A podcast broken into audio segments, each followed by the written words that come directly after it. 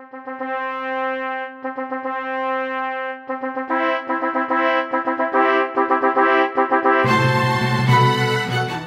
כאן גיא קורן עם הפודקאסט "אני מלכה גרושה באושר". נדבר על אהבה, אהבה עצמית, זוגיות, יחסים, גירושים, פרק ב'. אני מטפלת, מרצה, מאסטר NLP, אשת תקשורת, סופרת, ובעיקר אופטימית חסרת תקנה. המוטו שלי בחיים הוא אני לא מלכה את עצמי, אני מלכה בעצמי. אני מדברת בלשון נשית, אבל גברים מוזמנים בשמחה, כי הכל נכון גם כשזה הפוך. אז בואו נתחיל. ברוכות הבאות וברוכים הבאים לפודקאסט אני מלכה גרושה באושר, המקום שמנסה לתת אה, קצת עצות וקצת טיפים וקצת תובנות על איך יוצאים לדרך חדשה, איך מתגברים על משברים, איך קמים כשנופלים. ונמצא איתי הגדול מכולם, המלך אריק זאבי. אהלן. אהלן, איזה פתיחה. כן. כן, מדליסט אולימפי, אה, התחלתי לספור מדליות והתייאשתי באמצע, תכף תספר. אה, מייסד הקרן למצוינות אולימפית, נכון. שמכשירה בעיקר אה, נערים. כן. אנחנו נדבר על זה בהמשך, בגדול מנסה לעשות איזשהו שינוי בספורט ההישגי בישראל. יפה. ואתה נחשב באמת אולי לגבר הראשון, לספורטאי הראשון. אה, ואני, אתה מסתכל על המבט שלה, אני יודע מה היא הולכת להגיד. לא. ש... לא? לא. לספורטאי הרגיש הראשון שהזיל דמעות מול אה. מצלמה. כן, לא יודע אם אני הרגיש הראשון, אבל אה, זה באמת יצא כזה... באופן הכי פומבי נקרא לזה ככה, כן. כן, ואני רוצה לפתוח ו... ולהגיד לך תודה. אני לא יודעת עד כמה אתה מודע לזה, אבל כשאני יצאתי עם ההרצאה, אני מלכה, אתה אחד האנשים שהכי עזרתם לי. ואני לא יודעת אם אתה זוכר, הרמתי לך טלפון ושאלתי אם יש לך קצת אה, טיפים, ובאמת אתה לא מכיר אותי יותר מדי. ראיינתי אותך פעם לידיעות אחרונות, נכון. וישר בשמחה גדולה נפגשת איתי בבית קפה והסברת לי ואמרת לי, ומה שאמרת לי, משפט אחד, אני, אמרת לי הרבה דברים, אבל משפט אחד נחרט ביד היום כבר כמה שנים שאני עושה את ההרצאה הזאת, אמרת, את צריכה לפנות לאנשים לתת להם ערך, לדבר על המקום שכואב להם. זאת אומרת, תביני שהם באים לקחת ממך משהו, זה לא סתם שאת עומדת ומדברת, את צריכה באמת לראות מה כואב. ואז אמרת לי, וגם אני כל הזמן משתפר ומשתפר ומשתפר בדבר הזה, ומנסה למצוא את הנוסחה המושלמת. וזה בשבילי היה מין כזה, ישב לי בראש, כל פעם שראיתי שאני צריכה קצת לדייק את ההרצאה, קצת לזוז הצידה, נזכרתי במה מה שאמרת ואמרתי אפילו אריק זאבי אמר שכל פעם הוא חושב הוא משדרג איך הוא נותן עוד ערך ומה הוא עושה. זה, זה, א', אני משום מה איך שראיתי אותך נזכרתי כאילו שדיברנו הרבה זמן בטלפון בדרך להרצאה שלי בחיפה לא יודע יש לי בראש את השיחה הזאת של שעה שיחה. אה, אבל כן אני אני זוכר שבתחילת הדרך שלה גם באת לשמוע אותי ואז נכון. התייעצנו ומה שעברת הוא מדויק לגמרי אני אפילו אני כבר יש לי את ההרצאה הרגילה שלי נקרא לה, שהיא כבר רצה נגיד שמונה, תשע שנים.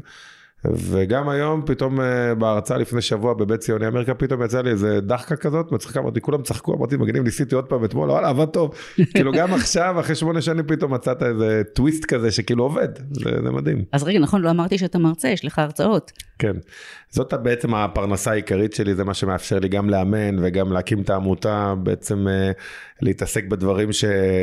שאני הכי אוהב וההרצאות הן מקור הפרנסה העיקרי שלי. אני מרצה עושה גם סדנאות. אה, איזה סדנאות אתה עושה?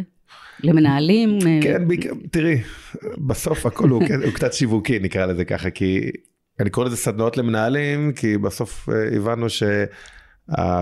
אני פונה בעיקר לחברות מסחריות, ו, ובסוף אתה רואה שמי ש... איפה שמשקיעים הכי הרבה כסף זה בפיתוח מנהלים. אז קראנו לזה סדנת מנהלים, למרות שיש רק פרק אחד שעוסק בניהול, אני עושה איזה הקבלה בין מאמן למנהל. בגדול הסדנות הם איזשהו אה, רצון שלי גם להתפתח בתחום, כי אם אתה כל הזמן נשאר עם אותו מוצר אחד, אז, אז כאילו אני מרגיש שאתה לפעמים עומד במקום, ויכול להיות שיש כבר חברות ששמעו אותי, אז אתה צריך להראות שאתה כל הזמן כאילו בתנועה, וגם מתוך מקום שאת יודעת, בסוף בהרצאה פרונטלית, אתה לא יכול לתת יותר משעה, שעה ורבע, כי כמה אנשים ישבו וישמעו אותך. ויש לי הרבה דברים שאני רוצה להגיד, ולפעמים גם רוצה לפתח אותם, כי נגיד בהרצאה רק אני מדבר, אתה לא, לפחות אצלי אין, אין פידבק. ובסדנה זה קצת אחרת, א' זה יותר זמן, ב' אנחנו עושים את זה על מזרן הג'ודו, אז יש גם כאילו לקחתי כמה דברים שמעולם הג'ודו שהם רלוונטיים כאילו לעולם העסקי, וגם זה אינטראקטיבי, אז אני נגיד אה, מעלה שאלה ושומע אנשים כאילו מה הם חושבים עליו, וזה גם אותי מפתח, כי כשאתה, לא יודע, נגיד אה, מדבר על חוזקות, סתם דוגמה, ואתה פתאום שומע מנהל שאומר מה החוזקות שלו ומה החולשות שלו, אתה כאילו, אני ממש מרגיש שאחרי כל סדנה, אני, אני מקבל עוד זווית אה, נוספת לכל מיני רגעים, אז זה משהו שאני מאוד אוהב לעשות, לצערי, סדנה זה משהו שיותר קשה למכור. tell me about it. כן, זה, זה, זה, זה, נגיד הרצאה, אומרים בואו בוא נחפש הרצאה לחדר ישיבות, נביא מישהו סדנה, אתה צריך לבוא ולהסביר מה יש בה ולמכור, כי אתה מוציא את האנשים החוצה. אז ופתאום, אחד... ופתאום באמת אתה צריך להיות באיזשהו מקום אה, שמשווק, כן. למרות שיש סביבך אנשים שעוזרים לך ותומכים בך, אבל פתאום אתה משווק את זה, כן. וזה לא כמו לפני כן, כמו נגיד אה, בג'ודו, שאתה בא ואתה כוכב, ויש סביבך באמת צוות שלם ואתה one star. נגעת בנקודה הכי מרכזית בשינוי הזה של בין, אה, של, בחיים של ספורטאי אחרי הפרישה, כי תמיד אומרים, הקושי כשאתה פורש הוא, הוא שחסר לך את הריגוש הזה, אני לא, לא, לא, ממש לא. אני חושב שהחיים של ספורטאי הם, מאוד קלים ומאוד נוחים. ומה שאמרת הוא מדויק לגמרי, ספורטאי אולימפי מצליח, כן, בואו נשים את זה בפרופורציה, הוא, הוא, הוא עטוף כמו צמר גפן. תחשבי, היה לי פיזיותרפיסט ומעשה ופסיכולוג ומאמן והוועד האולימפי ואיגוד הג'ודו וכולם דואגים לי. מוודאים שהכל בסדר איתי יותר מזה, מנסים להפוך אותי להיות יותר טוב. היה לך פעם מישהו שחושב איך הוא יהפוך אותך להיות יותר טוב? חלום שלי. זה, זה חלום, זה כאילו, המאמן כל פעם אומר, אריק, חשבתי, אולי אנחנו צריכים לעשות ככה, והפסיכולוג, הם ממש עסוקים באיך להפוך אותך להיות יותר טוב. ופתאום כשאתה פורש, אף אחד לא דואג לך, במקרה הטוב המשפחה מתקשרת, ולהפוך אותך להיות, אתה לבד. אתה בעצם הקושי העיקרי, אלא אם כן אתה הופך להיות שכיר באיזה חברה, אתה בעצם צריך להניע את עצמך. וגם החיים של ספורטאי מאוד ברורים. זאת אומרת, הקושי האמיתי בלהיות ספורטאי זה, זה הלחץ הבאמת הגדול, שאתה יודע שאם אתה לא הצלחת באולימפיאדה לא עשית כלום. זה, אני לא מזלזל בלחץ הזה, זה גם לחץ אגב שאין לכדורגלנים שמשחקים כל שבוע, בסוף אם אתה טוב, יראו את זה. אבל, אבל החיים מאוד ברורים, יש לי באוקטובר אליפות עולם, יש לי כמה תחרות לפני, כמה מחנות אימונים, אני, זאת אומרת, הכל מאוד... חיים מאוד ברורים. מאוד ברורים. כשאתה יוצא, שום דבר לא ברור, כאילו, לא יודע, יזמינו אותי להרצאה, לא יזמינו, כאילו... נכון, זה הכל באי ודאות. אתה ממש בחוסר ודאות, אלא אם כן אתה הופך להיות אה, שכיר באיזה חברה, ש, שגם שם יש איזושהי מסגרת. זה, זה הקושי העיקרי שלי, ועד היום, אגב, אני כבר עשר שנים אחרי הפרישה, ואני חייב להגיד לך שזה, שזה הקושי העיקרי, ש, שאין... אין, אין, אין דדליין, אין, אין פיק כזה שאתה כאילו יודע שאתה מתכוונן אליו. הח, החיים של, אה, שמחוץ לעולם הספורט הם, הם פתאום לא ודאים. אני חושב שיש עוד קושי אמיתי בפרישה, זה שאתה כבר לא אה, במרכז תשומת הלב. זאת אומרת, זה משהו שהכנתי את עצמי אליו אגב. בהרצאה החדשה שלי אני מדבר ממש על השלב הזה של הפרישה, על ה... על... אני עוד לא יצאתי איתה, עשיתי אותה פעם אחת. אה, אני עדיין מדייק אותה, אפרופו מה שאמרת, אני כבר שנתיים עובד עליה. שנתיים אתה עובד עליה? כן. וואו, כן, כשאתה עובד כן. על משהו אתה עובד, אה? אני עובד, אבל כן, את יודעת, מצד אחד זה נשמע עובד, זה לא שכל יום אני בא ארבע שעות עובד, אבל כאילו, אני עוד לא מרגיש בנוח אה, לשווק אותה, אבל בינתיים אני עושה הרצאות אה, לכאלה ששמעו אותי, ואני אפילו בא בהתנדבות, כאילו כמו ניסוי חומרים נקרא לזה. ו, ו, ובאמת אתה, זה לא משנה כמה היית גדול, בסוף מתעניינים במי שבא אחריך, ככה זה. גם, אה, מר, לא יודע, אתה לא רוצה להגיד מה היה אתמול. לא, לא, אני מדבר על, על, על ספורטאים אדירים, כשהם פורשים, נגיד עמרי כספי, הוא היה במרכז תשומת הלב, הוא פרש, אז עכשיו מתעניינים בדני אבדיה, זה לא בגלל שחושבים שכספי לא היה טוב, כי, כי כרגע דני אבדיה משחק, ואפשר לראות אותו ולהזדהות איתו, וכספי הוא כבר לא במרכז תשומת הלב, כי ככה זה, זה גם מיקי ברקוביץ', הילדים לא הולכים עם חולצה של מיקי ברקוביץ', כי... כן. ואת זה שיננתי לעצמי הרבה זמן בראש לפני הפרישה, לדעת שאתה פורש, אז יתעניינו בג'ודוקאים שאחריך, וזה, אם אתה לא עושה את ה shift הזה, אז זה מאוד קשה. אבל עשית shift להרצאות, לעמוד לבד אה, על במה, כן. שכשאתה ג'ודוקה ואתה עטור מדליות mm-hmm. ותארים, אז אתה בא, אתה עושה את שלך, אתה יודע שיש לך את המקום של הכבוד, בהיכל התהילה, ופה אתה עומד על במה, ועכשיו אתה צריך, כולם מסתכלים עליך, כן. יאהבו אותך, לא יאהבו אותך, יקשיבו לך, לא יקשיבו כן. לך, יגידו, אה, נו, בסדר, או שיגידו, וואו. כן. זה איזשהו לחץ אחר. אה, קודם כל, בתחילת הדרך זה היה מאוד מלחיץ, אני גם, היה לי איזשהו פחד במה, כאילו היום אני, היום אני, כשאני מנתח אותו, אני, אני מבין שזה לא פחד במה פר אקסלנס, אחרת גם לא הייתי יכול להיות uh, ג'ודאי, כי גם שם אתה עומד מול אנשים. יש לי פחד, אני נגיד לא אשיר בקריוקי עכשיו, אני לא... זאת אומרת... לא נשיר ביחד. כן, החשש שלי הוא, הוא לעשות דברים שאני לא מבין בהם, לא טוב בהם. ולבוא עכשיו לעמוד בבמה, כאילו, אין לי בעיה להראות לך תרגיל ג'ודו, כי אני, אני יודע שאני עושה את זה טוב, אבל לדבר, כאילו... ואז לאט לאט עם הזמן, כשאתה רואה שאנשים אה, אוהבים את מה שאתה אומר ומתחברים, ואתה רואה שאחרי כל הרצאה הם מזדהים, והם גם... אז אתה מבין שבואנה, מצאת איזה משהו שאנשים כן אה, מקשיבים לך, כי בסוף להתמודד עם כישלונות, אף אחד לא יכול להגיד לי שאני לא מבין בזה, אני נכשלתי את הכישלון הכי גדול שיכול להיות. זאת אומרת, כן מצאתי מקום שאני מרגיש, לא רוצה להגיד מומחה, אבל כן מבין בו טוב. ועם הזמן שאני גם הלכתי ושקללתי את זה ושמעתי אנשים אני גם יודע באמת לדייק את זה למקום שזה נוגע אליהם אז היום אני מרגיש בנוח לעמוד על במה בהרצאה החדשה בהרצאה הישנה בהרצאה החדשה עדיין יש לי פחדים כי אני לא יודע איך זה יתקבל איך הנושאים החדשים יתקבלו אז uh, אצלי זה עניין של, uh, של uh, ביטחון עצמי כאילו לדעת ש, שאני הדברים שאני אומר יש להם כיסוי נקרא לזה ככה. כן ואתה גם אוהב לקחת סיכונים. כן, זה עם הזמן למדתי, אני כאילו הבנתי ש... לא רוצה להיכנס לעומק פילוסופי גדול מדי, אבל בסוף כדי להתפתח כאדם, אתה צריך אה, לשים את עצמך עם הגב לקיר. כי אם אנחנו נמשיך לעשות כל הזמן את אותם דברים שאנחנו עושים, אז אנחנו ננוע באותו קו כזה, ישר, או מקסימום תהיה לו עלייה קטנה. זה כמו לקחת משקולת של שני קילו ולעשות ככה הרבה פעמים. אז אתה מתחזק, אבל בשביל להתחזק אתה צריך לקחת פתאום משקולת של עשרה קילו ולהתאמץ שהשריר ככה ייקרע טיפה. ואני הבנתי שכדי שאני אתפתח אני חייב uh, לשים את עצמי במצבים האלה של החוסר ודאות. אז הרבה פעמים אני מוצא את עצמי אומר כן, ואחרי זה מקלל את עצמי שעשיתי את זה, מה, איך אמרת? כן להרצאה באנגלית, ועכשיו אבל כבר אמרתי כן, אז אני חייב להתכונן, ואז, ואז כאילו קורים דברים בתהליך הזה, אני פתאום משנה את עצמי, אני משתנה עבור זה, אני מתפתח, ואחרי שאני מסיים עם זה, אני מאושר שאמרתי כן, אבל אני, אני מכניס את עצמי הרבה פעמים לפינות uh, כמו יושב ראש המכבייה, אני יושב ראש המכבייה, אני לא יודע אם את יודעת, עוד חודשיים יש מכבייה. ודווקא על זה אני עדיין לא מצטער, אני מניח שככל שאני אתקרב אני אגיד איך הכנסתי את עצמי לדבר הזה, אבל, אבל בסוף הכנסתי את עצמי לעולם שאני פחות מכיר, לעולם של ניהול, של uh, כסף גדול, שגם יש בו קצת פוליטיקה, ואני לא מומחה בו, אני אפילו לא מבין בו, ועכשיו אני לאט לאט מתחיל ככה לקלוט העניינים, וזה מעניין, כאילו. אבל הייתה איזה שמועה שאתה רץ לפוליטיקה, חושב על לא, לא, לא. אני קודם כל קיבלתי אה, לא מעט הצעות. אה, מכמה מפלגות, אגב, מכל, אה, מכל המפה הפוליטית. והכי מצחיק, שאני חושב על זה, אף אחד לא שאל אותי בכלל מה הדעות הפוליטיות שלי.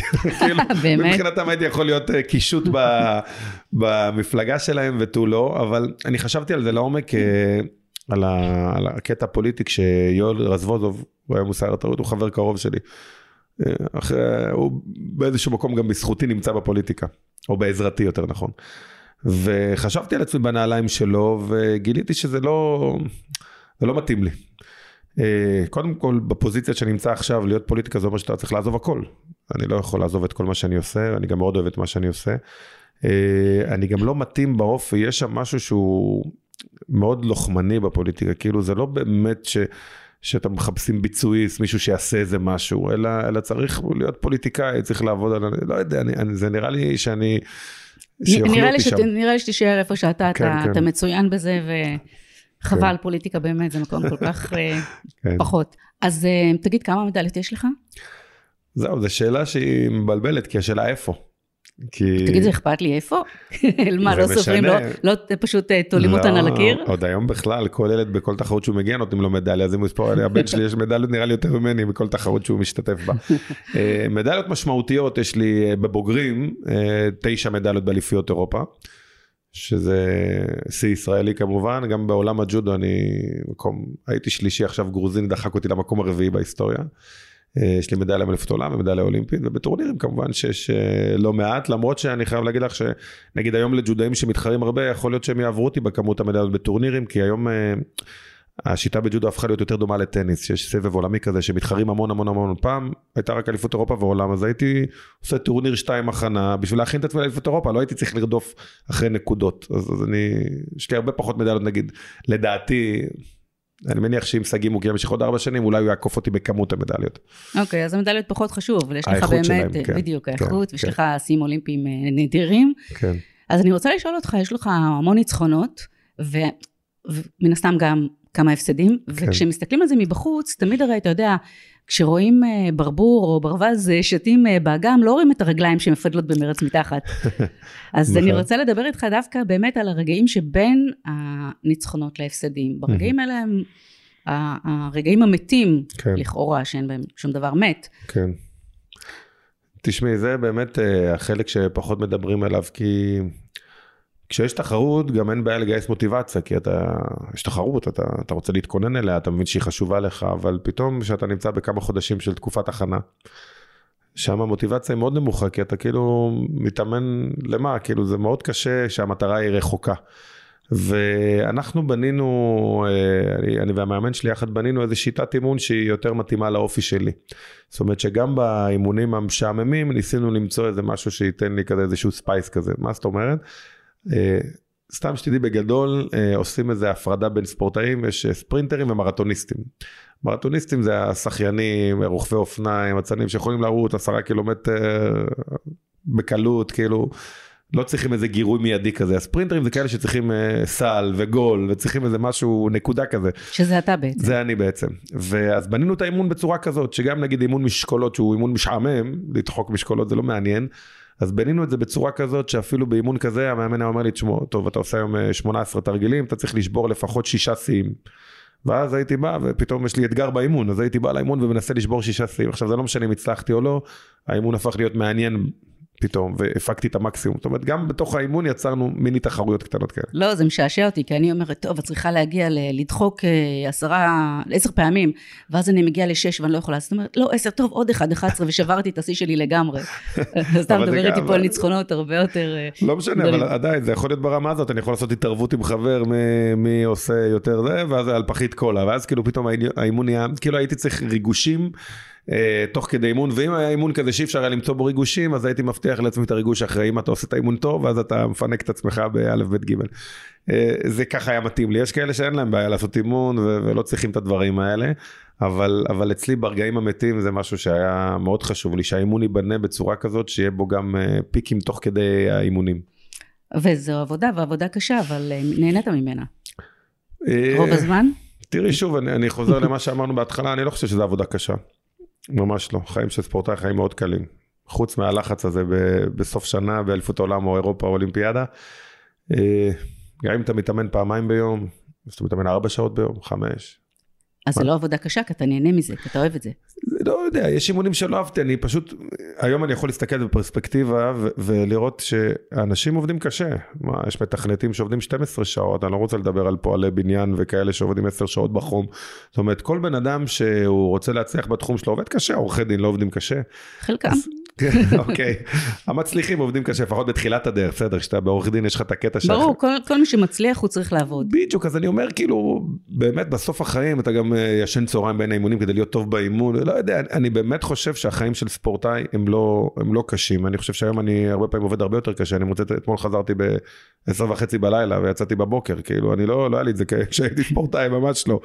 אז, אה, אז אני, יש כן אימונים קשים, הקושי, יש קושי פיזי בספורט שהוא לא קיים ברוב הענפים, שאתה באמת מרגיש שהגוף שלך כואב, שהוא עייף, שזה משהו שגם אם עבדת יום שלם, אולי העיניים שלך כואבות, שקראת יותר מדי במחשב, אבל, אבל זה באמת עייף, והשרירים כואבים, נגיד במחנות אימונים, ואתה כאילו מתקשה לישון, אבל, אבל אולי בגלל שאני מסתכל על זה כאילו בפרספקטיבה לאחור, אבל אני חושב שגם תוך כדי תנועה, אני תמיד ידעתי להעריך את המקום שבו אני נמצא. כי להיות ספורטאי אולימפי זה פוזיציה מאוד, אה, מאוד אה, פריבילגית נקרא לה. כאילו, כי בסוף אתה קונצנזוס, אף אחד לא שונא ספורטאי אולימפי. שחקן מהפועל עוד יכולים לשנוא אותו במכבי. ספורטאי מישהו ששונא את לינוי אשרם, עוד... אה, אתה דואגים לך, אתה עושה את מה שאתה אוהב, אתה מנסה בסוף למקסם את הפוטנציאל שלך, ואנשים מריעים לך. אתה גם מייצג את המדינה, כאילו. אבל אתה יודע, אתה כן. מזכיר לי משהו ששמעתי אותך מספר עליו, ואני אשמח גם שתספר את זה כאן, okay. אוקיי. על זה שהריעו לך איזה 2,000-2,500 איש שבאו לראות אותך, באתונה, כן. ולא היית כזה שמח בהתחלה. כן, כי שם באמת מה ש... אז תספר מה... את, את מדברת על אולימפיאדת אתונה, שהגעתי לשם כפיבוריט למדליה, בעצם הייתי שלוש פעמים אלוף אירופה בלתי מנוצח באותה שנה, וכשנכנסתי לאולם, אני חטפתי את שוק חיי, כי פתאום ראיתי שהכל מלא דגלי ישראל. ופוסטרים שלי, ובאמת 2,500 איש באו לראות אותי מתחרה, עכשיו זה משהו שלא, לא עשיתי עליו הכנה פסיכולוגית, לא צפיתי אותו, כי ממתי קהל בא לראות ספורטאי אינדיבידואל מתחרה בחו"ל, ועוד בג'ודו, לא יודע. שאבתי משפחה, חברים, כמו שהיה לי בסידני, 100 אנשים. כן, זה לא איזה כדורגל. בדיוק, אבל כנראה שהשילוב הזה של בין אה, אפשרות לזכייה במדליה אולימפית, או בזהב היסטורי, אתונה פה קרוב, והעובדה שבאמת הייתי כל כך פיבוריט למדליה גרמה לכך שפתאום אה, הגיעו כולם לראות אותי. וזה מאוד לחיץ אותי, כי אני, אני לא ידעתי איך להתמודד עם זה, כי אני אף פעם לא הייתי, התחרתי תמיד מול עולמות מלאים, אבל הם לא באו בשבילי. ופתאום כל המשמעויות של רגע, מה קורה אם אתה מפסיד? כי כשאתה נוסע לראות קבוצת כדורגל משחקת, גם אם מפסידה, עדיין ראית משחק כדורגל, שילמת על 90 דקות שקרו דברים, בג'ודו יש שיפון, ונגמרה התחרות. ופתאום התחלתי להגיד, רגע, מה קורה אם אני עולה למזרן ומפסיד תוך כמה שניות? מה כל הקהל הזה שילם כרטיס? פתאום כל המשמעויות של זה צצו לי, ואני מניח שאם הייתי מתכונן, הייתי יודע שהקהל מגיע, הייתי מתכונן לזה. אבל כשאתה נכנס, ואני גם ממש זוכר שנכנסתי לאולם ופתאום היציע הזה היה מולי, פתאום ראיתי גם את חבר שלי, ואני הייתי בהלם, אני אומר לך, זה משהו שלא ידעתי לצפות אותו. באיזשהו שלב בתחרות עשיתי סוויץ' והקהל הזה מאוד עזר לי ודחף אותי, ובזכותו בסוף זכיתי במדליה, אבל, אבל זה רגע מאוד מיוחד. בסך הכל, כשאתה הולך ברחוב ספורטאי אולימפי, אני בטוח שאם תתלווי, לא יודע למי, ל... אה, למרות שהוא אולי הוא לא כזה מוכר ציבורית למרות שהוא אלוף אולימפיה תראי שכולם כל הכבוד כאילו זה בסוף אה, אני חושב שאם אתה מסתכל על מה אתה מקריא ומה אתה מקבל החיים של ספורטאי אולימפי הם מאוד מאוד טובים.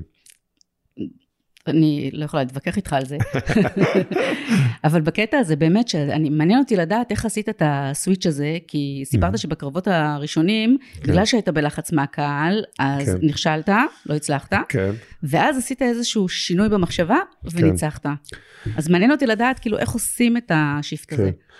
אני אתחיל מה, מהשורה התחתונה, אני באמת חושב שבכל פוזיציה שבה אתה נמצא בחיים, אתה, אתה יכול להסתכל על דברים בכמה דרכים, אתה יכול כאילו, או שזה ירים אותך או שזה יוריד אותך, לדוגמה, זוכרת בהרצאה שלי יש, יש את ה... אני מראה את ה slide הזה שהתעוררתי איזה בוקר אחד ואני רואה את עצמי על השער של עיתון ידיעות, יש ידיעות ספורט ורשום תפרוש. במילה תפרוש. אחת, תפרוש. ככה עצה ידידותית. איזה יופי.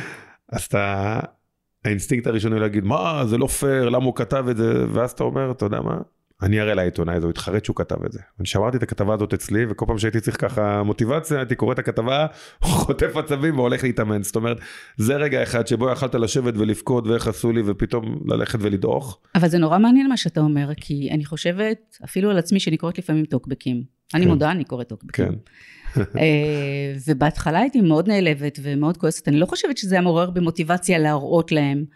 אז יש בך איזה, זה מעורר מוטיבציה? כי טוקבקיסט הוא, הוא שם קוד של מישהו כזה, במיוחד שהוא רושם דברים שזה כלומניק כזה, שמתחבא מאחורי לא, מקלדת. אבל היום גם אין להם בעיה לעשות את זה בפייסבוק או עם השם שלהם. אז אני אומר, אבל, אבל שעיתונאי מוערך, כאילו רושם את זה על השער של עיתון, זה איזושהי פלטפורמה מכובדת. אז איזושהי... עוד יותר, על אחת כמה וכמה. אז אני אומר, אז פה המוטיבציה, ל... כי להוכיח לטוקבקיסט זה קצת קטן, כאילו מה אני צריך להוכיח למשה נקודה שין, כאילו זה מצחיק. אבל להוכיח לידיעות שהם טעו, שהנה אני הצלחתי. זה אגב, גם מה שאני אומר לאנשים בפציעה, כשאתה נפצע, אז אתה אומר בואנה איך אני אחזור להיות אחד הטובים בעולם זה אני בקושי מזיז את היד אני הרגע עברתי ניתוח אני שמונה חודשים לא אתחרה אבל אז אתה יכול להסתכל על זה בזווית אחרת ולהגיד לעצמך אם אני אחרי הניתוח מצליח לחזור להיות אחד הטובים בעולם אני עושה משהו יותר גדול ופתאום כאילו מי פתאום זה הפך להיות אתגר. ואותו דבר עם הקהל כאילו בהתחלה חשבתי על איך אני אאכזב אותם מה יהיה אם אני אפסיד ובאיזשהו שלב הצלחתי להגיד רגע בואנה 2500 איש באו לראות אותי הם מעודדים אותי כאילו אני שואל ו- ו- ופתאום זה ריגש אותי וגם כאילו הם שרו שם שירי כדורגל כאילו מטורפים ו- ופתאום זה, זה הצלחתי לעשות את ה switch הזה וזה נתן לי drive כאילו פתאום הבנתי את הפוזיציה שבה אני נמצא, שהקהל שלם רוצה לראות אותי עומד על הפודיום, אני לא יכול לאכזב אותם, ופתאום זה נתן לי כוחות חדשים, זאת אומרת, אני חושב באמת שבכל סיטואציה בחיים, אתה יכול להסתכל על, על, עליה מכמה דרכים, ו, והרבה פעמים אנחנו בוחרים את, ה, את הדבר שמוריד אותנו ואת הדבר השלילי, ואני באמת חושב שהייתי באיזו ישיבה תיכונית בהרצאה, והרב אמר לי, הרב של הישיבה אמר לי משהו יפה בהקשר הזה. אמר לי, אריק, אני תמיד אומר לתלמידים, לכל אחד מאיתנו יש זאב טוב וזאב רע. ואתה יודע איזה זאב מנצח? זה שאתה מאכיל אותו. ובסוף זה מאוד תלוי מה אתה אומר לעצמך, כי, כי אתה, הדיבור הפנימי הוא בסוף מה, ש, נכון. מה שמניע אותך. אז איך אתה מספר סיפור חיובי כשאתה מרגיש רק שליליות בשרירים ובעצמות? תראי, פה זה, זה, זה מאוד תלוי באיזה פוזיציה אני נמצא, מה זאת אומרת? אני מאוד חושב שבכל התהליך הזה שאנשים עוברים, הם צריכים ללמוד להכיר את עצמם. ולדעת מהם הדברים שמניעים אותם בכל רגע. למה אני אומר את זה? כי היו רגעים שבאמת הייתי בשפל אחרי הפסד והייתי צריך להרים את עצמי ו- ולעודד את עצמי. ואז הייתי הולך אחורה ואומר לעצמי, אריק, אתה לא, אתה לא, אתה לא גרוע, אתה הפסדת בגלל טעות, בגלל שאתה אתה לא היית מרוכז, תראה, התחרות הקודמת אתה זכית, יש לך כבר מלא מדליות, אתה באימונים זורק את כולם, זאת אומרת, אתה לא פתאום גרוע, אין מצב שאתה גרוע, כאילו אתה, מנסה להישען על דברים, על uh, עובדות אוב, אובייקטיביות שיעודדו אותך. ואתה גם שואב באותו רגע את מה שהפסיכולוג אומר לך והמאמן, וה... אבל יש רגעים שאני הייתי צריך להגיד לעצמי בואנה אתה אפס, אתה גרוע, ככה אתה רוצה להצליח, עם... כאילו היו רגעים שהייתי כן צריך לתת לעצמי בראש כדי להעיר את עצמי, זאת אומרת אני עם הזמן למדתי להכיר את עצמי ולהבין מתי אני צריך אה, חיבוק ומתי אני צריך כאפה. מעצמך. כן, מעצמי. אבל אולי הביקורת שלך הייתה חזקה מדי. ראיתי אותך באחת מתוכניות הטלוויזיה כשהיית צעיר ובלונדיני וחומצן, אה, ויצאת ו... על זה בדיוק התכוונתי שאמרתי את זה, שאמרתי אפס. כן, כן, זה מהסרט, אה, נכון. וזה רגע היה אותנטי, זה אני באמת פתאום הצלם מופיע, כאילו אני לא תכננתי, ואז שאלתי, אתה באמת חושב שאתה אפס? אמרתי לא, אבל עכשיו אני אפס. ו... וכן, כי באותו אימון אה, ילד בן 19 זרק אותי. ואני הייתי שבועיים לפני אליפות העולם, אמרתי, אתה רוצה לזכות באליפות העולם? ילד בן 18 שלא יודע ג'ודו זרק אותך, כאילו. ו- ואתה צריך את הכאפה הזאת, כי, כי אני הייתי אחרי זכייה באליפות אירופה, והייתי ככה מבסוט מעצמי, ופתאום הרגשתי שהייתי יותר מדי אה, כוכב, כאילו, יותר מדי, ובסוף בשביל לקחת מדליה בג'ודו אתה צריך אה, אז מה, להיות מה, רעב. אז מה אתה אומר פה בעצם? ש... אומן בעצם לא יכול להצליח אה, אם הוא לא עצוב, ואם אתה משורר ואתה כותב שירים שמחים זה לא יעבדו. שאלה טובה, כי חש, חשבתי על זה הרבה, כי אביב גפן פעם אמר את זה, אם אני לא טועה, שכאילו השירים הכי טובים מגיעים שאתה שרוד ושאתה... כן. ואני לא רוצה להגיד את זה ככה, זאת אומרת, אתה לא צריך להיות מלנכולי, אני לא טיפוס מלנכולי, אבל אני חושב שאתה כן צריך, אה, אה, כדי להצליח לאורך זמן, אה, לחזור להיות עם הרגליים על הקרקע. דיברתי על זה עם מירי מסיקה אגב בפודקאסט שלי, שכאילו, יש בזה משהו מאוד, שאתה כוכב, אה, יש בזה משהו מאוד אה, משקר עם אה, כף וגם עם קוף. בטח בערוץ 2 אתם מביאים לך שוקולדים ונערת מים ויש לך חדר משלך וכולם איפה איפה מירי והיא אומרת את זה ואתה דיבה ואז אחרי זה אתה, אתה מרגיש מלך, ואז אני אומר לה, איך את חוזרת לקרקע? היא אומרת, אתה חוזר הביתה והילדה שלך לא סופרת אותך. אז כשיש לך ילדים זה מאוד קל, כי המשפחה מאוד ישר מחזירה אותך, בן זוג שלך אומר לך, הלו, הלו, פה אתה, אני חוזר הביתה, אני ישר שוטף כלים, כאילו, אשתי לא עושה לי הנחות. אבל כשאתה צעיר, ובגלל זה אלה שבסוף מתאבדים ולוקחים, אתה, אין מי שיחזיר אותך לקרקע, ובדרך כלל פתאום אתה יוצר סביבך אה, חברה שהיא רק מאדירה אותך ומרימה לך. וזה מאוד קשה לחזור ופתאום לעבוד קשה וליצור, מאוד קשה. וזה לא סתם שצעירים הכי מאבדים את הדרך, אם אין לך איזה חבר טוב או איזה משפחה חזקה שתחזיר אותך כל פעם ל... ולהיות עם רגליים על הקרקע, זה סופר קשה. לי היה את המאמן שלי כשלא הייתה לי משפחה. אלכס באימון, אחרי כל זכייה באימונים הראשונים היה נכנס בי, קורע אותי, כאילו ישר מוריד אותי לקרקע, הוא היה מבין שכאילו זה מסוכן, כאילו אחרת אני... אני חושב שאגב הרבה ספורטאים, לא משנה מאיזה ענף, אתה רואה שאחרי הצלחות פתאום יש איזה משהו כזה ש... ובספורט, במיוחד בספורט, בגלל שזה פיזי, אתה צריך כאילו לעבוד קשה, אתה צריך להביא את עצמך לקצה. וכשאתה מאושר, זה קצת קשה להביא את עצמך לקצה, אתה כאילו... יו, אתה יודע, אתה קצת נוגע לי באיזו נקודה רגישה, כי אומרים לי, נו, למה את לא כותבת עוד ספר? למה את לא מוציאה עוד ספר? ואני עונה כזה, בעיקר לעצמי, אה, כי טוב לי מדי. כאילו, הספר הקודם היה על זה שרציתי להתגרש, ואיך התגרשתי, כן. והייתי לבד, וזרקו אותי, וזרקתי, כן, ו- כן. והייתי מאוד עצובה, ואיך עשיתי את עצמי יותר שמחה. ועכשיו כשאני בזוגיות, חם סטפו שרק תימשך, כן. אז כאילו אני מרגישה פתאום, עכשיו, בשנייה זו לא, אבל היו לי רגעים שהרגשתי קצת לא רלוונטית. אה, וגם שאלת אותי מקודם, כן. אז כזה נגעת לי בנקודה מה, כן. אבל אה, באים עלייך עכשיו אה, כן. להתייעץ איתך כשאת בזוגיות, כן. אז לקחתי את זה באמת למקום אחר, שדווקא אם אני טובה ומצליחה בתחום שלי, אז אפשר ללמוד ממני. נכון. אבל גם, אתה מחזיר אותי למקום, אתה קורא לפודקאסט שלך, שהוא מצוין אגב, תודה. 43 שניות, נכון. ותכף תספר על 43 שניות כן. האלה. ואתה אומר שכשאתה בא קצת שאנן, כי אתה חושב שאתה הולך להצליח עכשיו, דווקא אז אתה נופל. כן, כן. וזה הזכיר לי שבידיעות אחרונות, לפני המון המון שנים, כשהייתי בהיריון, קראו לי ללשכת המנכ"ל, והייתי בטוחה, הייתי פרילנסרית, הייתי בטוחה שהולכים לתת לי חוזה, הייתי, מה זה, משוכנעת בזה, ופיטרו אותי. יואו. לא משנה, טבעתי את העיתון, זכיתי, עשיתי תקדים ביחסי עובד מעביד, אבל דווקא כשהייתי הכי בטוחה בעצמי ושאננה, כאילו, ברור, מגיע לי, חטפתי כן. את הנוקאוט. את יודעת, זה גם אני מדבר על זה בהרצאה חדשה, כי אסף גרנית, כאילו דייק את זה בצורה הכי טובה שיכולה להיות. מצד אחד, כשראיינתי אותו, אסף גרנית יש לו ביטחון עצמי גבוה. והוא בטוח שהוא הכי טוב, וגם יש לו הוכחות, כאילו, מישלן והמסעדות עובדות, ואז שאלתי אותו, תגיד, מה, מה מפחיד אותך? אז הוא אמר, אני מפחד שמחר אף אחד לא ייכנס למסעדות. כשאני פותח מסעדה אני בטוח שהיא תיכשל. ואז כאילו שאלתי את עצמי, איך זה, איך זה מסתדר? מצד אחד אתה בטוח שאתה הכי טוב בעולם, פתאום אתה בטוח שתיכשל? ואז אמרתי, מפה מגיעה ההצלחה שלו. כי אני חושב שצריך לנוע בשני קווים מקבילים. מצד אחד צריך לחזק את הביטחון העצמי ואת המסוגלות שלנו וליצור חוויות חיוביות. מצד שני, אתה כל פעם צריך uh, לפחד או לקבל כאפות או לפחד, כדי שאתה תוכל להמשיך לנו. בגלל זה אסף כל הזמן ממשיך לנוע, כי הוא מפחד שזה יקרה. כן. כי אם אתה באמת, זה בסדר להיות, ליהנות מה, מהזוגיות שלך, והכל בסדר, ו- ו- ולחקוק את ההישגים שלנו, אבל באיזשהו שלב אתה כל הזמן צריך לראות, רגע, אם אני לא יותר מדי זמן אה, באותו מקום מבסוט מדי, כאילו אם אני לא יותר מדי זמן נשען על הצלחות העבר. ואז לראות, אגב ההרצאה החדשה שכתבתי עכשיו היא רק בגלל זה, כי ההרצאה שלי עוד עובדת, מזמינים אותי הכל טוב, כאילו אני לא שפתאום אמרתי וואו וואו, אני חייב להמציא משהו, אבל זה מתוך מחשבה שרגע ברגע שזה ייגמר, מה, אז אני אתחיל לכתוב, כאילו אני חייב שיהיה לי, מבינה זה כאילו, אז אפרופו הספר לדוגמה אם את נגעת בו, אז כאילו יכול להיות שיגיע איזשהו שלב תגידי טוב, אני, אני חייבת להתחיל לעבוד עליו, שכשיהיה איזה דחה בום אני אוכל לצאת עם הספר הזה, זאת אומרת זה... בעיניי זה, זה היה קצת קיצוני אצל אסף, הקוטביות הזאת, אבל, אבל גם, יש בזה משהו. גם שלמה ארצי, שלמה ארצי פעם סיפר, okay. אוקיי. שלפני כל אה, קיסריה, הוא היה מתקשר לאימא שלו, והוא היה אומר לה, אימא, את חושבת שיגיעו? וואלה, וזה אוקיי. שלמה ארצי. גדל. אז כנראה, אני חושבת שהם מדברים באמת על הצלחות, ולא מבינים שהדבר הכי מפחיד בהצלחה, זה להמשיך להצליח. נכון. להישאר למעלה. כן. זה הדבר הכי קשה. להיכשל זה קל, כולנו נכשלים. כן. אנחנו מכירים את ההרגשה. כן. גם להיכשל זה לא קל, כי הרבה לא קל מנסים. במרכאות. לא, אני אומר, הרבה לא מנסים כדי לא להיכשל כישלונות גדולים. אז כאילו הם שומרים על עצמם בטוח, ואז הם לא נכשלים, אבל הם נשארים באותה משבצת מאוד מאוד מצומצמת. אבל כן, אני, אני, אני בהחלט חושב ש...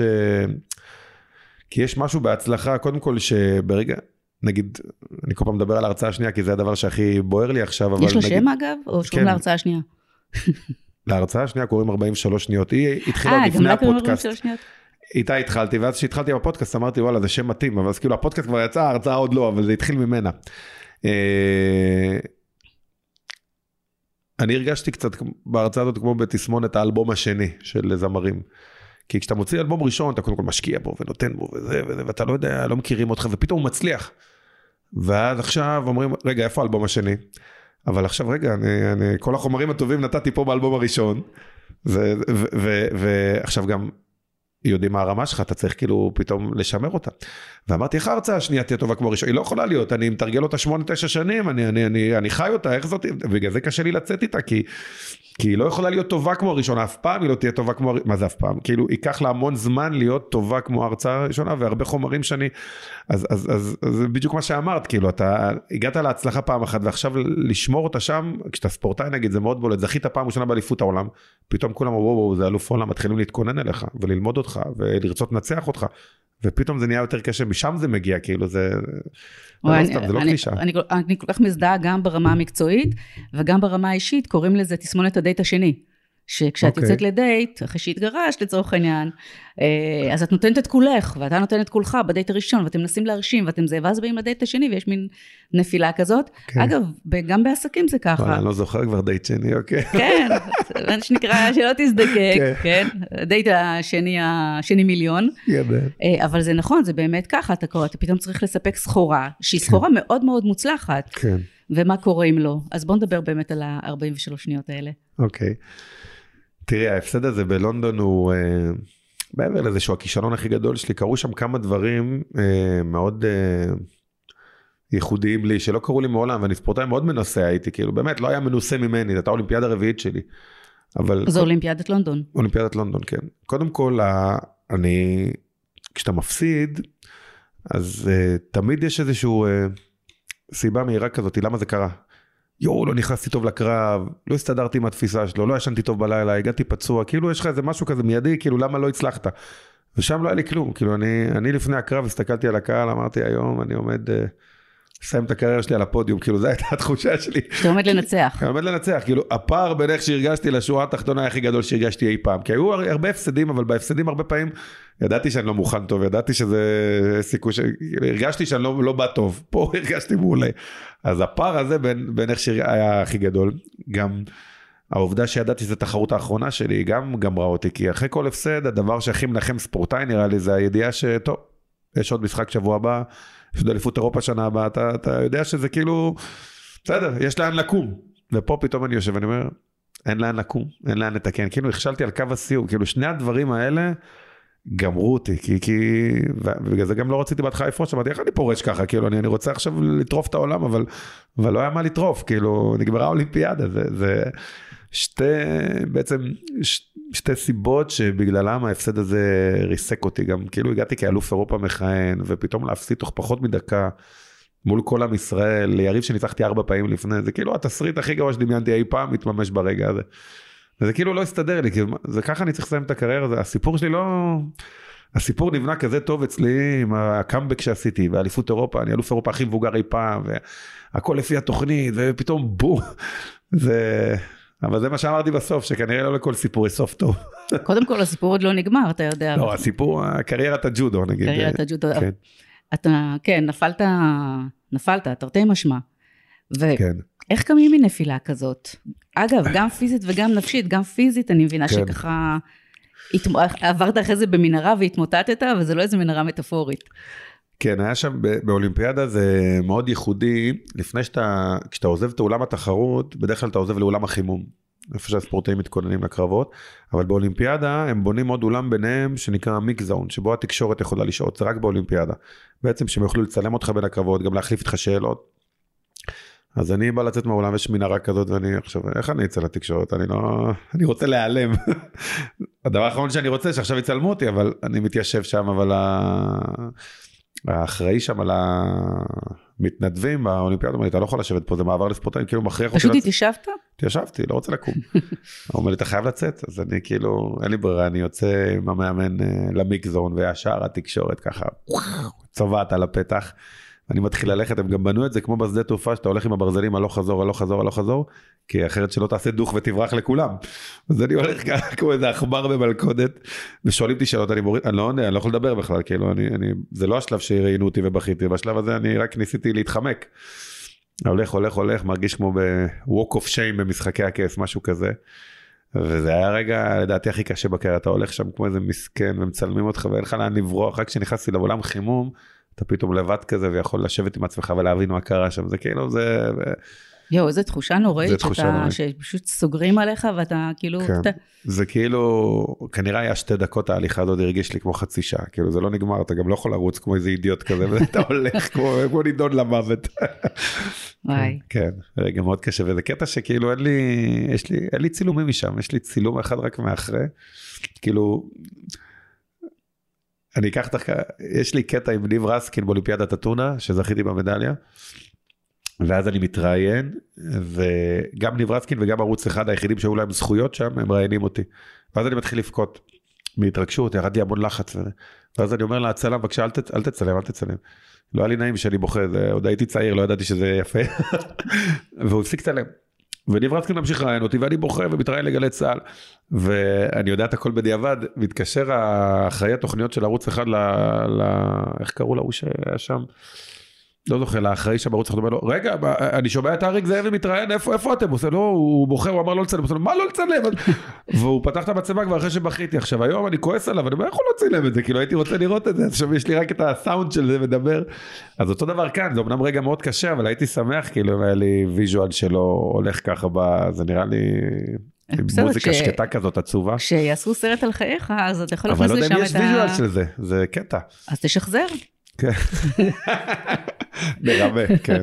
כן, לא, אתה יודע, אפקטים אה, קולים כן. ועל קולים. היום זה היה בערוץ הספורט, זה בטוח היה מצולם. ערוץ אחד שם היה קצת יותר... כן, פעם היו יותר נאיביים, יותר כן, תמימים, יותר כן, ככה... נכון. היום לא ידחפו לך את המצלמה לתוך הנחיר ולתוך האישון, ולא יוותרו לך. אבל באמת, איך קמים מנפילה כזאת? איך אתה, מה אתה אומר לעצמך? כי אני בטוחה שבהתחלה אתה יצאת ובכית, וזו בעצם התמונה המפורסמת שרואים אותך אחר כך... אה, בוכה, ו... וזה באמת מה שקנה אחרי זה כן. את כולם, הפוסט בפייסבוק שהעלית, נכון. וקמת ופתאום וואו, כן. אוהבים אותך אולי אפילו יותר. כן, זה האמת מאוד הפתיע, כי באמת חשבתי שעומדים uh, לסקול אותי. Uh, הרי בסוף, uh, את יודעת, יש איזו תחרות uh, בלתי כתובה בין עיתונאים באולימפיאדה, מי uh, קוטל את הספורטאים שמפסידים יותר, ופתאום פתאום אני חושב שההודעה הזאת בכישלון, ואיך שהגבתי גרמה לה, לעיתונאים לראות את הסיפור היותר גדול. כי זה לא אריק זאבי נכשל באולימפיאדה, זה אריק זאבי הספורטאי המעוטר, שזאת כנראה, זה כנראה הקרב האחרון בקריירה שלו. פתאום זה קיבל סיפור יותר גדול ובגלל זה גם לא הסתכלו רק על הקרב הזה שזה היה מאוד אה, אה, מאוד מרגש גם זה חיבר אליי הרבה אנשים שלא קשורים לספורט הדרך שבה התמודדתי עם ההפסד היה מאוד מפתיע אני באמת לא אני, אני אמרתי אני לא פותח את הפייסבוק בחיים זו הייתה התחושה. בגלל זה אני שואלת אותך כי אני חושבת עכשיו על אה, יש לנו גם מאזינים בטח אבל מאזינות ש... נגיד נגמרו להם חיי נישואים, כן. והדבר הזה נגמר, ואין חזרה, ואתה כן. יודע שלכאורה אין תקומה מהדבר הזה, כן. אבל הנה, אפשר לקום גם מהנפילה כן. הכי כואבת נכון. מכל המובנים. אז יש לי כמה דברים להגיד. קודם כל, אני אגיד לכם משפט שאמר לי אמיר אשל, אחרי התחרות בלונדון, אמיר אשל, מפקד חיל האוויר. אני יושב בבית מפורק, מקבל טלפון, ושומע מהצד השני, אייריק אמיר אשל, מפקד חיל האוויר. עכשיו, לא הכרתי אותו אישית. אומר לי, אני רוצה להגיד לך כל הכבוד. אחרי ההפסד. אמרתי לו תודה, אני לא כל כך יודע על מה. ואז הוא אמר לי משפט מדהים, הוא אמר לי, אריק, הקריירה שלך היא לא תמונת סטיל של ההפסד הזה, הקריירה שלך זה סרט וידאו שלם. זה משפט מדהים. נכון. כי כשאתה נכשל, ולא משנה במה, אתה באותו רגע בתמונה הזאת. הביטחון העצמי, הערכה העצמית, המצב רוח. נמצאים כאן, אתה לא מצליח באותו רגע לראות שהכל חלק מסרט שלם שנקרא הקריירה שלך, החיים שלך. ואם אותם נשים או אנשים יחשבו על זה לעומק, יבינו ש... שקריירה שלמה, חיים שלמים לא יכולו לא יכולות להיות רק עם תמונות טובות, תמיד יהיו גם תמונות פחות טובות. ואז הם גם יבינו למה אסור להם לקבל שום החלטה מיד אחרי תמונה כזאת, כי הכל נובע רק מתוך אותה תמונה.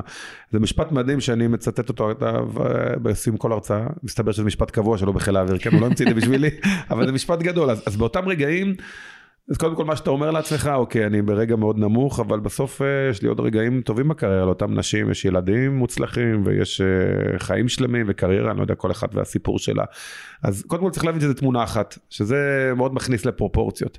הדבר השני, אני, אני חייב להודות בכנות שאני בהתחלה לא רציתי לפרוש. אני אמרתי, אני, אחרי כל הפסד גדול בקריירה שלי הייתה הצלחה גדולה. אני מאוד ידעתי לקחת את הכעס הזה שיש אחרי הפסד ולהשתמש בו.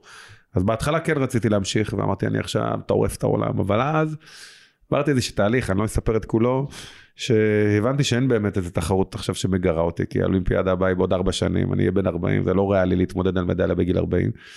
ו, וברגע שהבנתי שאני פורש, כאילו שאני אני שם את הדבר הזה בצד, אמרתי איך אני עכשיו אה, מנסה, נקרא לזה ככה, להיות, להביא הישגים בתחומים אחרים בחיים. זאת אומרת, כאילו, ניסיתי לראות איך אני עכשיו אה, אה, מצליח בפרק ב' של חיי גם, אה, גם להביא הישגים. אז הדבר הראשון זה היה איך אני מבסס את עצמי בעולם ההרצאות. גם שם אני, אני מתייחס לזה קצת כמו, כמו בקריירה הספורטיבית שלי, כאילו איך אני, אה, כשפרשתי הייתי בממוצע של, לא יודע מה, עשר הרצאות בשנה, משהו כזה. ראיתי ספורטאי, טסתי רק כשזה התאים, זה לא היה קריירה, מדי פעם היה יוצא לי פעמיים בשבוע, הייתי מבסוט. לא ידעתי שאפשר לבנות את זה, ופתאום אמרתי, רגע, בוא נראה אם אני יכול לעשות שתיים או שלוש הרצאות בחודש, זה כבר משהו שיאזן אותי כלכלית, כאילו, זו הייתה המטרה הראשונה. אז התחלתי לעשות הרצאות בהתנדבות לכל מיני פורומים של מנהלות משאבי אנוש, כאילו, שיכירו אותי. אה, וכשזה הלך וגדל, פתאום הייתה מטרה אחרת, אני רוצה להרצות באנגלית, כאילו, ו- ולפני הקורונה ממש הייתי בסשן מאוד גדול של הרבה הרצאות בארצות הברית, בסוף זה קצת התרסק, אבל לא ויתרתי על זה. זאת אומרת, פתאום אה, חיפשתי אה, מטרות וריגושים במקומות האחרים שלי בחיים. זאת אומרת, יכול להיות שאגב, למי שגרושה, זה המטרה הראשונה, את יודעת מה, אני פתאום חושב ישר על החלמה מניתוח. כשאתה מחלים מניתוח בכתף, לא יודע ועשית אי פעם ניתוח בשלב הראשון, אתה לא יכול להזיז את היד. אתה, אתה, אתה לא, יכול, לא יכול לאכול עם היד, כלום. עכשיו אתה אומר, איך אני אחזור לעשות ג'ודו? זה, זה כאילו, זה מדע בדיוני, אתה לא, אתה לא יכול לעשות שום דבר, לסרק את השיער. אז אתה אומר, טוב, בוא, שלב ראשון, בוא נתחיל להגיע לטווחים בכלל, להתחיל להזיז את היד. אחרי זה אתה אומר, טוב, בוא ננסה לחזק אותה, להגיע לאותם כוחות. אחרי זה אתה אומר, בוא נעשה את התרגילי ג'ודו המסובכים. אחרי זה, אז אותו דבר כאן, אתה בהתחלה אומר, טוב, אני התגרשתי לצורך העניין, בוא קודם נראה איך אני יכול, לא יודע מה, אה, קודם בכלל אה, להכיר מישהי, כאילו רק לדבר איתה, אתה יודע, זה נראה לי, אני, אני, לא מח... אני מחייכת כי אתה מנסה למצוא כזה, אתה נשוי. כן, לא התגרשתי, כן, אני לא יודע, אבל מה הייתי אומר לעצמי, קודם כל בוא, בוא ננסה, לא יודע מה, לחזור לשקם את היחסים עם חברים, אני מניח ש, נכון. שהחברויות, אני רואה את זה גם על עצמי, הם לא נהרסו ברמה, אבל אני לא רואה אותם כמו שראיתי, כאילו הדבר ראשון שאם אני עכשיו מתגרה, אני ישר חוזר לחברות, לחברים שנראה לי שזה רשת הביטחון הראשונה שלי, אז קודם כל משקם את עצמי, לפחות את השלב הראשון. הדבר השני, מנסה לסדר את העניינים הפיננסיים, סתם דוגמה, לסדר את העניינים עם הילדים. כאילו להתחיל לחלק את זה לתחרות תחרות, פרה פרה. ואז אחרי זה, טוב, בואו נצא חזרה לשוק הדייטים. כאילו, אני חושב שברגע שאתה מסתכל... עושה תהליך הבראה. בדיוק. ברגע שאתה מסתכל אחרי ניתוח איך אני אהיה באולימפיאדה, אתה לא יכול. כמו שאתה אומר, איך אני איך אני אכיר מישהו? זה רחוק, בוא, שלב שלב. נראה לי, כן. כן. אבל מה, מה השתנה, אתה יודע, שהיית אלוף uh, עטור מדליות, ואז uh, באו 43 השניות האלה, והחיים שלך בעצם נחלקים ללפני ואחרי. אז החיים החדשים שלך, מה השתנה בהם? אה, איך שאתה תופס את עצמך, אתה יודע, אין לך היום את הפסיכולוג הצמוד, את המאמן כן. הצמוד, את הפיזיותרפיסט הצמוד. לא, קודם כל אני יודע ש... שאני צריך uh, לדאוג לעצמי, שפעם הייתי כזה קצת uh, רגיל שדואגים לי. Uh, אז, אז אני, אם אני רוצה שדברים יקרו, אני יוזם אותם, וממש מכריח אותי ליזום אותם. כי אני טיפוס, זה כאילו יהיה מצחיק להגיד אחרי כל מה שאמרת, שאני אני, אני, אני כאילו חצי עצלן כזה. מה זאת אומרת? אני אם לא, אם יש לי מטרה, אני כאילו בולדוזר ואני אקום, אבל אם לא צריך, אז אני, אין לי בעיה לשכב פה בכיף, לראות, אני אוהב לנוח. אבל אני כל הזמן שם את עצמי במטרות האלה כדי שאני כאילו לא, לא אכנע למנוחה. זאת אומרת, כאילו אני, אני מכריח את עצמי לעשות דברים, ואז כשאני כבר עם מטרה כזאת, בום, אני, אני, אז קודם כל למדתי להכיר את עצמי, זה משהו שמאוד השתנה בחיי, אני מכיר את עצמי, אה, היום ממש טוב, אני חושב שגם ההפסד בלונדון מאוד תרם לזה במובן הזה שאני כבר לא מפחד להיכשל. כי נכשלתי בכישלון הכי גדול בעולם שיכול להיות ולא קרה כלום. כי יש לנו איזו תחושה שאם ניכשל, השמיים יפלו, לא ידברו איתנו. גם לא נופלים. האמת, לא קורה שום דבר. כי החיים לא סובבים סביבך. כאילו, עם כל הכבוד לאריק, אנשים אמרו, איזה מסכן מסכן, ואחרי שבועיים, יאללה, כל אחד יש לו את השק שלו, כאילו, בסוף, אתה כאילו, הרציתי לא מזמן בצבא, בא אליי מישהי, אומרת, אני חולמת להיות זמרת, והתקבלתי לאודישנים של הכוכב הבא, ואני מפחדת ללכת. אמרתי לה, למה? היא אומרת, כי אם אני לא אעבור את האודישן, כולם יזכרו את זה שנכשלתי באודישן. אמרתי, תקשיבי, אף אחד לא יזכור שנכשל באודישן. אל תחמיא לעצמך עד כדי כך. אף אחד לא יזכור, את היחידה שתזכרי. כאילו באמת יש לנו איזו תחושה שהעולם סובב סביבנו, בסוף אנחנו בורג קטן, וזה משהו שמאוד אה, התחברתי אליו אחרי לונדון. אני כאילו מבין שבסוף אה, החיים לא סובבים מסביבי, ואתה צריך כאילו לנסות... אה, לדאוג לעצמך, זה משהו מאוד חזק, כאילו לא לסמוך על זה שמישהו יוביל אותך לאנשהו, אני חושב שזה השינוי העיקרי כאילו שנעשה מאז שאני ספורטאי להיום. אה, אני חושב שהקורונה גם עשתה איזה שינוי כזה, כמה החוסן הוא דבר חשוב. חוסן בריאותי כמובן, חוסן כלכלי. פתאום אנשים לא עבדו כמה חודשים ווואו, וחוסן נפשי. שבעצם חוסן נפשי בדרך שבה אני רואה את זה, זה היכולת שלך מבחינה נפשית להתמודד עם סיטואציה חדשה. אה, לא רק קורונה, גירושים זה מצב חדש. עכשיו אם אתה כל החיים שלך לא התמודדת אף פעם עם מצבים חדשים, איך אתה פתאום תתמודד עם זה? אתה לא יכול. אז... אתה יכול, אבל זה קשה. זה קשה, כן. כן, ברור. אתה תתמודד בסוף, כאילו. אבל זה מוביל לנקודת ההתחלה, ש, שאתה צריך לשים את עצמך במצבים של חוסר ודאות. מחוץ לאזור הנוחות, כי זה בעצם סיטואציה חדשה. ואז אם אתה לומד להתמודד איתה, אז אתה מפתח את הכלים האלה, את היכולת אה, להתמודד עם מצב חדש. ואז שקורה לך קורונה, שם קוד או גירושים, אתה כאילו, זה לא פעם ראשונה שאתה נתקל בזה. זאת אומרת... אבל חוסן נפשי מנטלי זה משהו שהוא מולד, נרכש. שאלה מעניינת, אני, אני כל הזמן מתחבר, אני מניח שלכל דבר יש איזה אלמנט מולד, ושוב, גם מולד פה זה מתחלק לגנטי, או משהו שעוצבת בתור ילד על ידי ההורים שלך. מתוך ידיעה, או לפעמים לא מתוך ידיעה במקרה.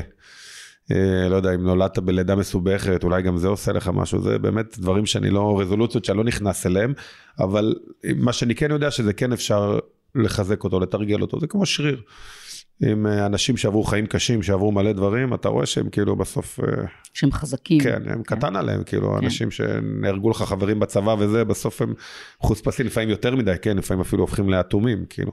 אז, אז, אז אנחנו לא רוצים להגיע למצב הזה, אבל אני חושב שכן, כל אחד מאיתנו, דווקא בעקבות הקורונה, צריך אה, באופן מודע לשים את עצמו במצבים של חוסר ודאות, להגיד כן לדברים שהוא לא היה עושה לפני, בשביל...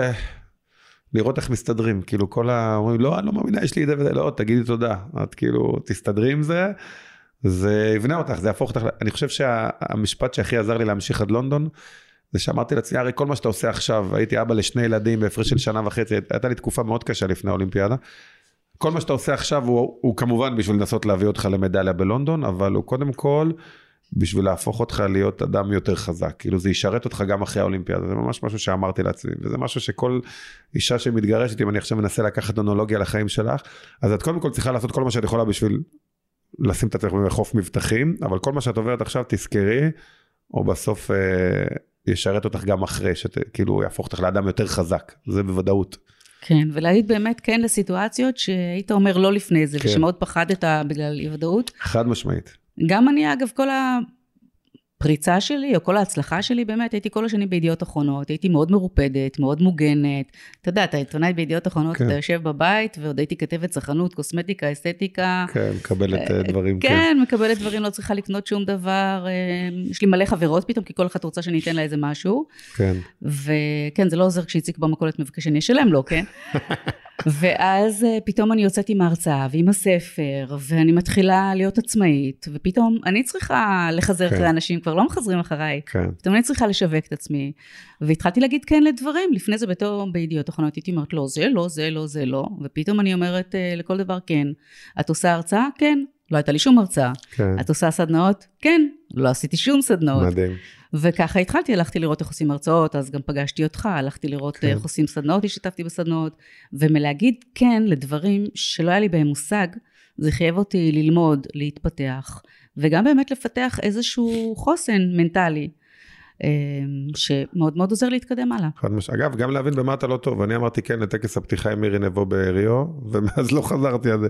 למה? זה היה גרוע מאוד. עכשיו היה מירי נבו עשתה את זה עם אה, מאיה, וזה היה מדהים, כי את יודעת, יש את השלב שקורית, אה, יש את ההופעות. אז מירי, בגלל שהיא גם דוברת פורטוגזית והיא הייתה בהכנות שלפני, אז היא תיארה, הנה אנחנו פה, וזה הסמל של ברזיל, וזה... עכשיו אני יושב, אין לי מה להגיד, וואו, איזה יופי, כאילו, אין לי מה להוסיף.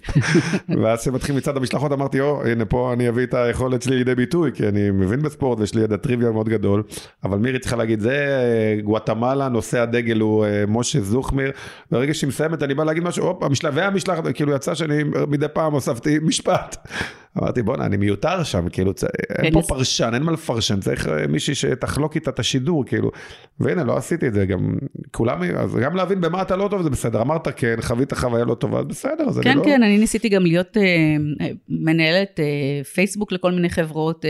Uh, הייתי ממש, לא, חשבתי שאני גם יודעת לכתוב, גם אני יודעת להעביר רעיונות, כן. גם אני כל הזמן בפייסבוק. כן. מה יכול להיות רע? כן. הייתי מאוד רעה בזה. מיהרתי להתפטר לפני שיפטרו אותי. אבל כן. גם בחוויה הזאת, חווית משהו, למדת משהו, ובסוף...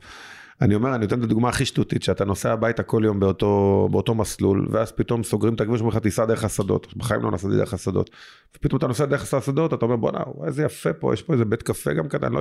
עכשיו, הבית הקפה לא ישנה את חייך בשום צורה שהיא, אבל אפילו בשינוי הקטן הזה, אה, למדת משהו חדש. זיהית משהו שלא ראית לפני, ו- וזה הקסם, כאילו לא להישאר כל פעם באותו מסלול שלנו. לפתוח, שאתה לא יודע מה, מה יקרה מהם. נכון, אתה יודע, באמת, אם יש לך קצת זמן, תסגור את ה-Waze, אם אתה לא ממהר לאנשהו, ותנסה להגיע לבד. כן. לדרך. קודם כל, רוב הסיכויים שתטעה קצת, ו- ולא נורא, כן, אין לנו כל כך לאן לטעות. כן. אבל באמת, פתאום החושים שלך מתחדדים, אתה שם לב לדרך, ולא שמישהו אחר מנהל אותך, אתה בעצם מנהל את הדרך שלך. מסכים לגמרי, לגמרי. טוב. כל, כל הכבוד לך, אני באמת עכשיו, אנחנו דיברנו, זה היה לפני שש שנים אפילו, נכון? כן, יפה. כן, משהו כזה. זיכרון טוב, שש שנים, כן. מטורף. מטורף, נכון? מדהים, שאת פה עכשיו עם אה, קליניקה וסדנאות, והחזיתי את הבית עם הסטיקר של אני מלכה על האוטו, אמרתי לה, כן. מדהים. המיתוג עובד. כן. זה ממש. גם להזכיר לעצמי, אתה יודע, זה, זה לא רע. לא, לא, זה מדהים. יש לך מדליה שתלויה מעל המיטה להזכיר לך? זהו, יש לי, היום שעברנו לבית אה, טיפה יותר גדול, כאילו משרד כזה, ואז שם תלויות, גם לא כל המדליות כמה וזה, אבל אה, לא, המדליה האולימפית היא לא, לא תלויה. אני כאילו משתדל, אפרופו, אה, גם זה היה בגלל הילדים שלי, כאילו עד גיל מאוד מאוחר יחסית הבן שלי לא ידע שאני זכיתי מדליה אולימפית. לא רציתי לחיות את זה, כאילו, גם לעצמי, כי אני מרגיש שאם אני כל הזמן אחיה את המדליה, אז אני לא אבין שאני צריך כאילו לתפקד עכשיו, וגם כדי לא, לא יודע, אין, אין איזה פינת... אה, פינת ממוריאל בעודך כן, חי. כן, יש משהו מאוד קטן, איזה גביע אחד, ממש מאוד, משהו מאוד סמלי. לילדים שלי, המתקן של המדליות שלהם הרבה יותר מפואר בשלי. לא, לא צריך, כאילו, בסוף. אני חושבת שזה היתרון שלך וסוד הקסם שלך, שאתה מצד אחד מאוד מאוד יכול להיות בעננים, אבל אתה מאוד עם רגליים על הקרקע. אתה באמת, אתה מאוד uh, צנוע ומאוד uh, משרה אווירה כזאת של, uh, הנה, אני, אני לא מעליכם, אני בדיוק כמוכם. כי זה וזה, ככה. וזה ראוי להערצה באמת, ואתה יודע, תודה. הערצה זה לא המילה, למרות שאתה רגיל לזה אולי, אבל השראה, באמת השראה. אם יש משהו שלמדתי שאתה, לא יודע, לא, יש הרבה אנשים מוצלחים, תנסה למקסם את עצמך על... אני חושב שזה כפילוסופיית חיים, חשוב מאוד להבין, לא, שאתה לא, לא מעל כולם, כי אתה באמת לא מעל כולם. זה, זה הכל. נכון, גם תמיד יהיה מישהו מעליך ומישהו מתחתיך, כן. ומישהו ששווה לך פחות או יותר. כן, כן. זה, זה, זה מאוד אה, מרגש. אתמול הרציתי באפרת. עכשיו, אפרופו להגיד כן, כאילו, לא יודע, לא חשבתי על שאפרת, זה גוש עציון, ואשתי אומרת לי, מה, עכשיו היה בלאגנים וזה, הפחידה אותי כל הדרך.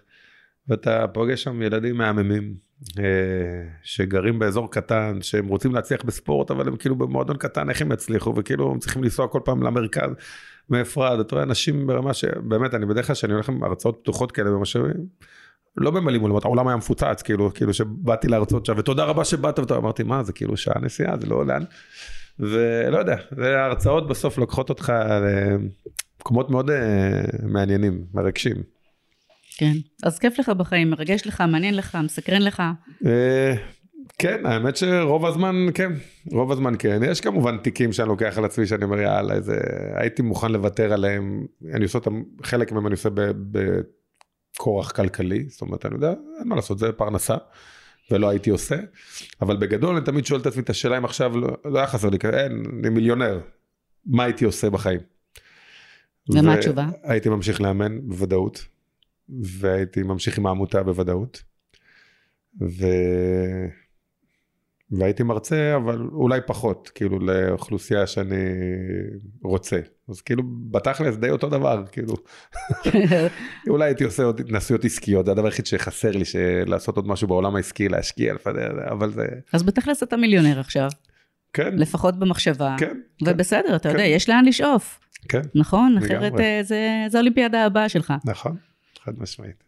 אריק זאבי, היה לי לעונג לארח אותך, גם לי, תודה רבה. וללמוד ממך ולהקשיב לך, וזהו, אתה מלך. תודה. או, אה?